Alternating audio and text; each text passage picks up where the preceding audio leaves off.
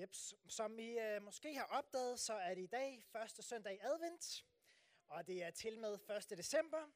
Så nu kan man for alvor skrue op for julehyggen og julestemningen.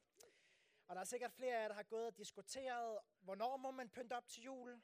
Hvornår må man øh, sætte Mariah Carey, Wham og MC Einar på? Og i dag så er det altså både 1. december og første søndag i advent, så nu er der ikke længere nogen tvivl. Julemåneden er officielt begyndt, og I har hermed tilladelse til at gå amok i æbleskiver og kværne pebernødder og øh, blæse julemusik ud af anlægget til en helt stor guldmedalje.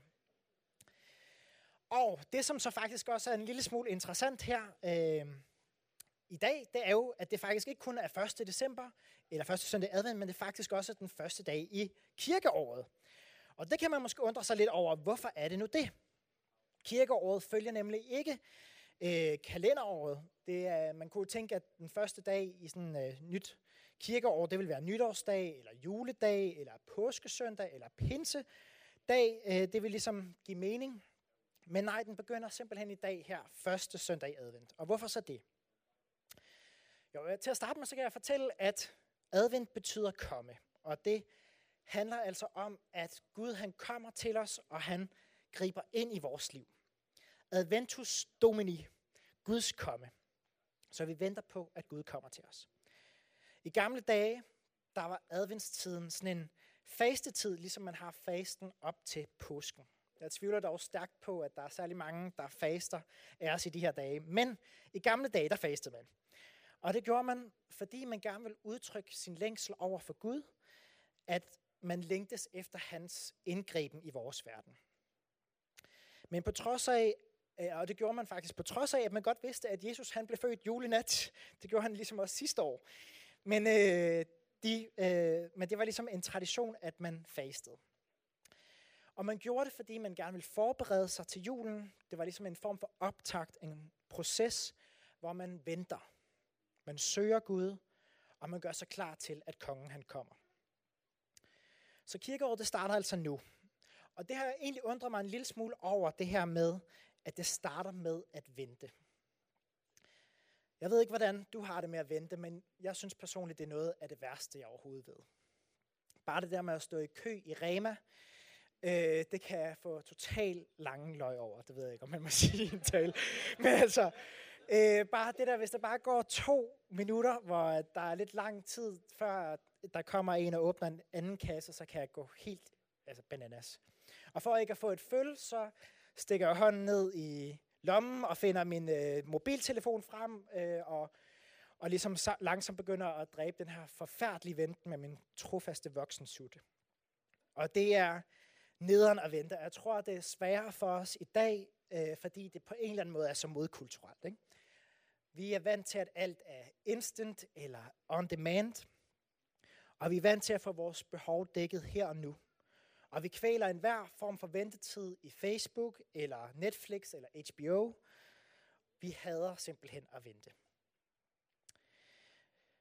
Men det kan også være, at du venter på andre ting end lige, end lige køer i Rema. Det kan være, at du venter på en kæreste. Det kan være, at du venter på at blive gravid. Eller måske venter du på et job. Eller måske venter du på at få svar på en udredning, og lige nu er du måske mest af alt bare et limbo, hvor du ikke ved, hvordan du skal forholde dig til den her venten. Ventetider kan være fuldstændig ulidelige. Og når vi er tvunget til at vente på noget, så kommer der fokus på det, som vi ikke har. Det vi mangler. Og på en eller anden måde, så er det her med at vente, det er forbundet med en eller anden form for fattigdom, eller et form for fangeskab. Og vi forsøger måske at dulme vores ventetid med underholdning, eller tage sagen i egen hånd. Og ofte så hopper vi over, gæret, hvor gæret er lavest, og slår os til tål med dårlige løsninger. Det her det er en fattigdom, som man ikke bare lige nødvendigvis kan købe sig ud af. Vi kan ikke få det on demand. Og den her fattigdom, det kan få os til at føle os forkerte, og den kan få os til at føle os som tabere. Og det kan føles som et fangeskab, fordi vi nogle gange bare ikke kan gøre så meget andet end at vente. Og derfor så virker det en lille smule underligt, ja måske næsten forkert, at adventstiden den handler om at vente. Så spørgsmålet er, hvad er det, vi venter på, og hvordan venter vi? Og adventstiden, det er altså lidt en anden slags venten end den her klassiske december-julehygge. I december, så kan der nærmest være et pres for, at vi skal bare hygge helt vildt, og vi skal være glade hele tiden, og vi skal nyde julestemningen derhjemme i familiens skød. Men sagen er bare den, at for langt de fleste mennesker, så er det her med jul bare ikke så lige til. Det er ikke sikkert, at det begynder at spille ind i, bare fordi man sætter mundre toner på derhjemme. Og måske er der et familiemedlem, der mangler, som man savner, eller måske er der rod i relationerne. Måske trykker ensomheden i hjertet, eller måske er ventetiden bare mest af alt bare forbundet med pres og stress og alt for høje forventninger. Og nederlag her i livet kan få os til at få sådan, få sådan en fornemmelse af magtesløshed, og måske særligt i den her tid, som vi nu er på vej ind i. Så hvis julen det er sådan en, et byggeprojekt, som man skal bygge her i, eller julestemningen er et byggeprojekt, som man skal bygge op her i løbet af december, så er der rigtig mange af os, der kan konstatere, at vi faktisk ikke har super meget at bygge med. Og mest af alt så føler vi, at vi måske står tomhændet tilbage og bare må konstatere, at vi er en af december måneds tabere. Men advent fortæller os om en ganske anden måde at vente på, og en anden måde at gå ind i juletiden på. Advent er det modsatte af at bygge sig selv op til julehøjtiden. I adventstiden der forudsættes det faktisk, at man kommer med tomme hænder. For det, som er ved at spire frem, og det, som er på vej til at blive til noget, det er dybest set ikke noget, som vi selv har nogen indflydelse på. Og hvad mener jeg med det? Jo, Dietrich Bonhoeffer. Nogle af jer vil måske kende ham. Øhm, ham er jeg meget glad for. Han er en, eller var en tysk præst, som levede under naziregimet i øh, Tyskland. Og han blev fanget og kom i en koncentrationslejr, og til sidst døde han også der. Og nogle få uger før advent i 1943, der fik han muligheden for at sende et brev til en af hans gode venner, hvor han gjorde sig nogle overvejelser omkring den her tid. Og han skrev sådan her i brevet. Advent er som at sidde i en fængselscelle. Her der håber man, her der venter man, her er der mange uvigtige ting, som man kan få tiden til at gå med. Men her er man helt og aldeles afhængig af, at døren til friheden bliver åbnet udefra. Prøv at bemærke forskellen fra det, han siger her, til tanken om, at vi er vores egen juleglædes arkitekter.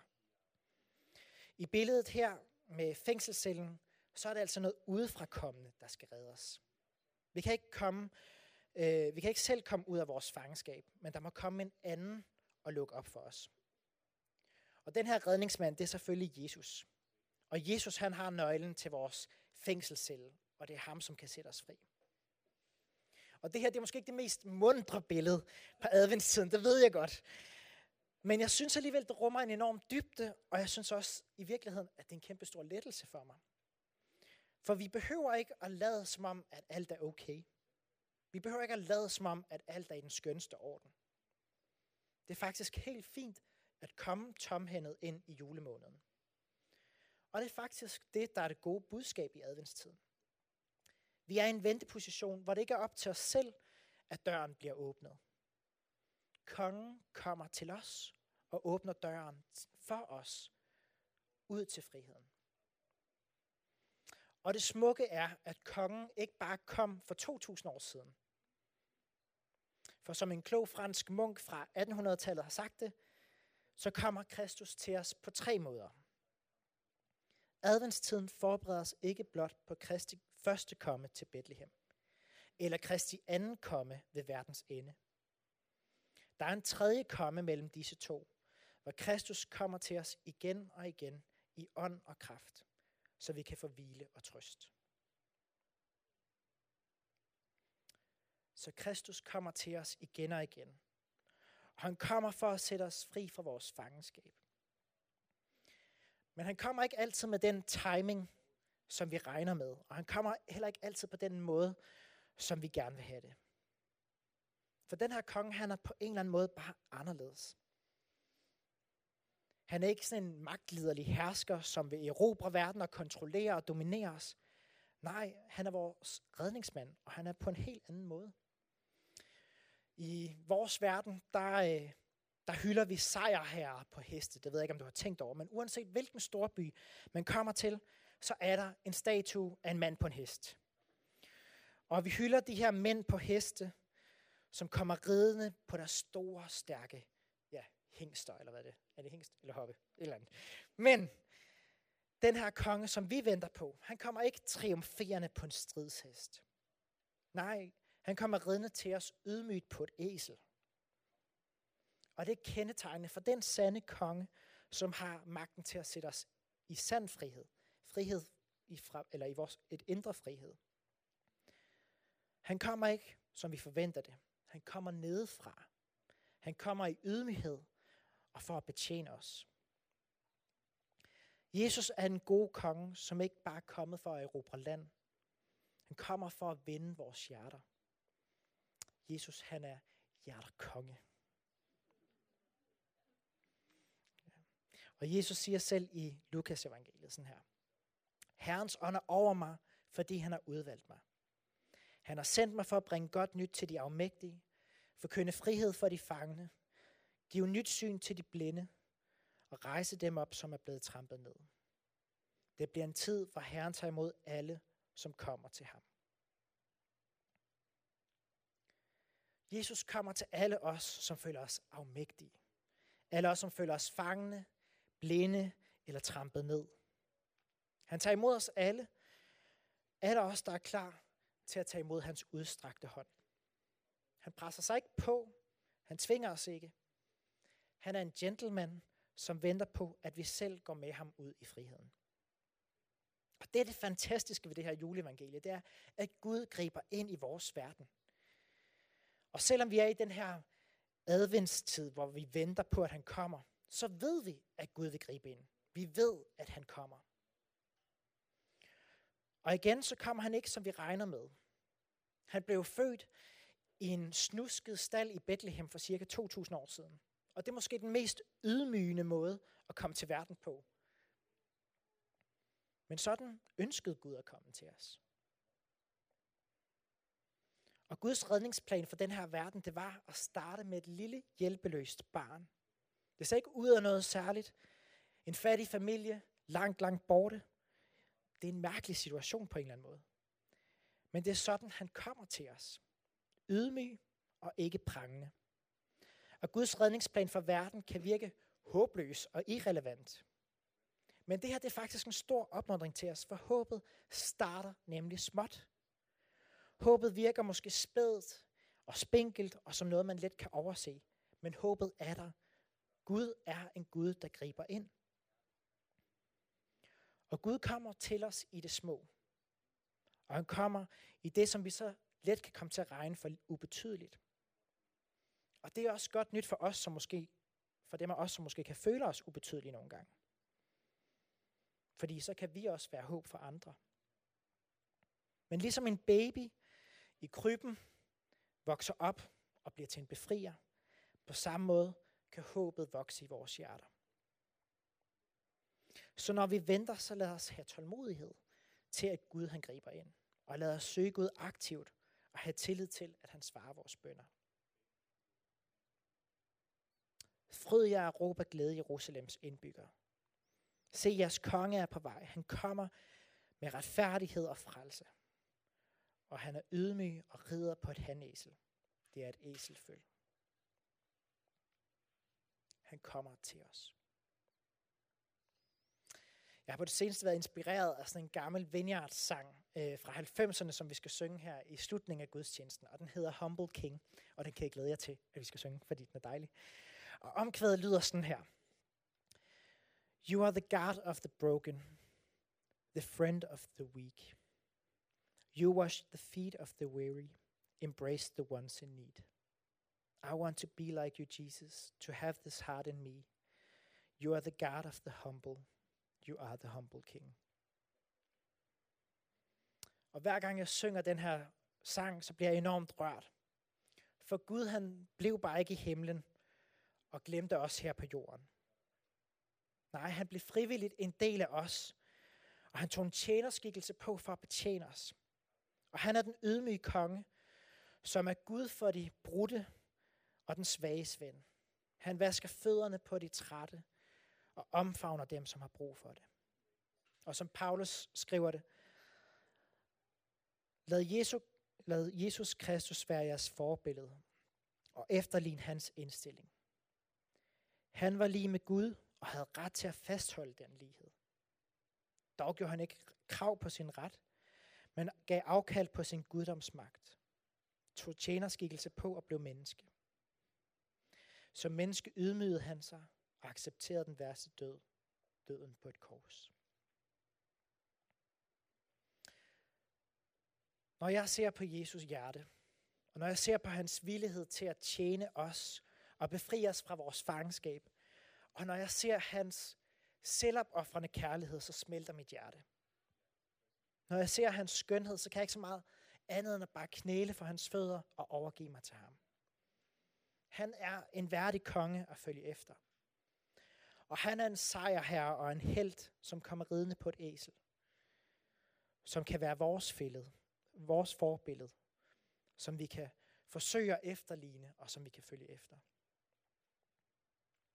Så lad os inspirere af Guds væsen, af hans natur.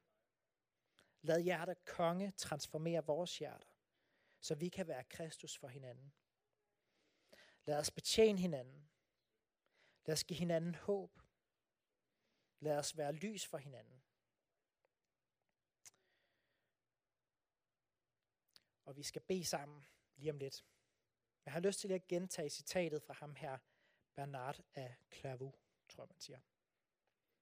Adelstiden forberedes ikke blot på Kristi første komme til Bethlehem, eller Kristi anden komme ved verdens ende.